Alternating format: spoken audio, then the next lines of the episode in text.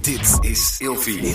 Vroeger. Meneer de Munnik, we bespreken deze week het onderwerp dictators. En in deze aflevering hebben we altijd een verhaal in de categorie overtuigingen en mythologieën. We gaan het hebben over religies binnen dictatoriale regimes. Ja, eigenlijk eh, bijvoorbeeld een Stalin of een Hitler of een Mussolini, ja, die moesten eigenlijk niks van geloof hebben. Ze waren tegen eh, een ehm, enorme ja, klassensamenleving. Eh, het gaat om gelijkheid, hè? En eh, en binnen het fascisme, of ook binnen het communisme, is iedereen gelijk. Ik dacht dat Hitler altijd juist heel erg bezig was met het perfecte eh, volk voor God of zoiets. Nee, nee, helemaal niet. Nee, dat is Oh. gewoon puur vanuit, vanuit bloed. En, en, hè, het Arische volk. En vanuit Dat had cultuur. niks met geloof te maken. Vanuit de geschiedenis. Nee. Oh.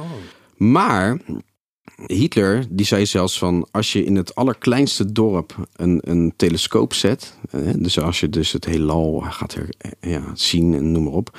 dan kom je erachter dat er dus geen God is. Nou, of je kan het hem niet zien. Nee. Maar dan natuurlijk krijg je, idioot om an- te krijg je denken dat andere je- ideeën. God kan zien met een telescoop. Maar, luister, in die tijd was iedereen nog wel redelijk gelovig. Ja. Ja.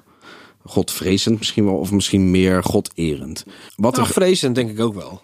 dan denk ja, je hebt het geloof, of die mensen heb je nodig binnen jouw systeem om op jou te stemmen, om jou te volgen. Ja. Dus je gaat de kerk niet tegen de schenen trappen. Oh, ging je spiegelen.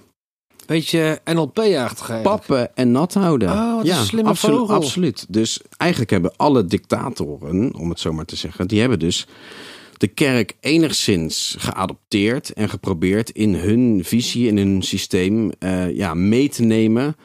Of in ieder geval niet echt, ja, hoe zeg je dat, lastig te vallen. Maar zo'n Mussolini dan, die zat toch met het katholieke heel erg in Rome? Ja, maar de, de paus en de Vaticaanstad, die zijn toch helemaal niet aangepakt? Dat was toch helemaal prima? Nee, maar die- volgens mij is het Vaticaanstad zelfs gewoon de nazi's nog geholpen om, om te, met met gangen ontvluchten. Ja, Weet ik dat- dat is- ja want de, de, de, het Vaticaan, de katholieke kerk, had een, die zag het communisme als het allergrootste gevaar. En de nazi's die vochten knetterhard tegen de communisten. ja, Ja. Ehm, de communisten, die waren dus ook al, al bezig om het katholieke, de katholieke kerk te zuiveren in, in hun gebied.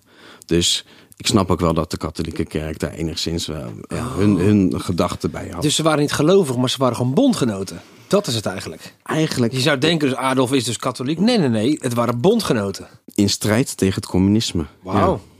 ja, la- het schijnt dus echt dat ehm, het Vaticaan, ja, ratlijnen noemen ze dat. Eh, dat wordt het netwerk die spinnen, wordt het genoemd. Waarbij ze nazi's na de oorlog lieten vluchten Ja, naar, 100%. naar Argentinië, weet je, naar Zuid-Amerika. Ja, ja, ja. Eh, er zijn zelfs in, in Spanje was er gewoon een klooster wat een soort doorvoerpunt was. Niet normaal. Ja. Tot morgen. Vroeger.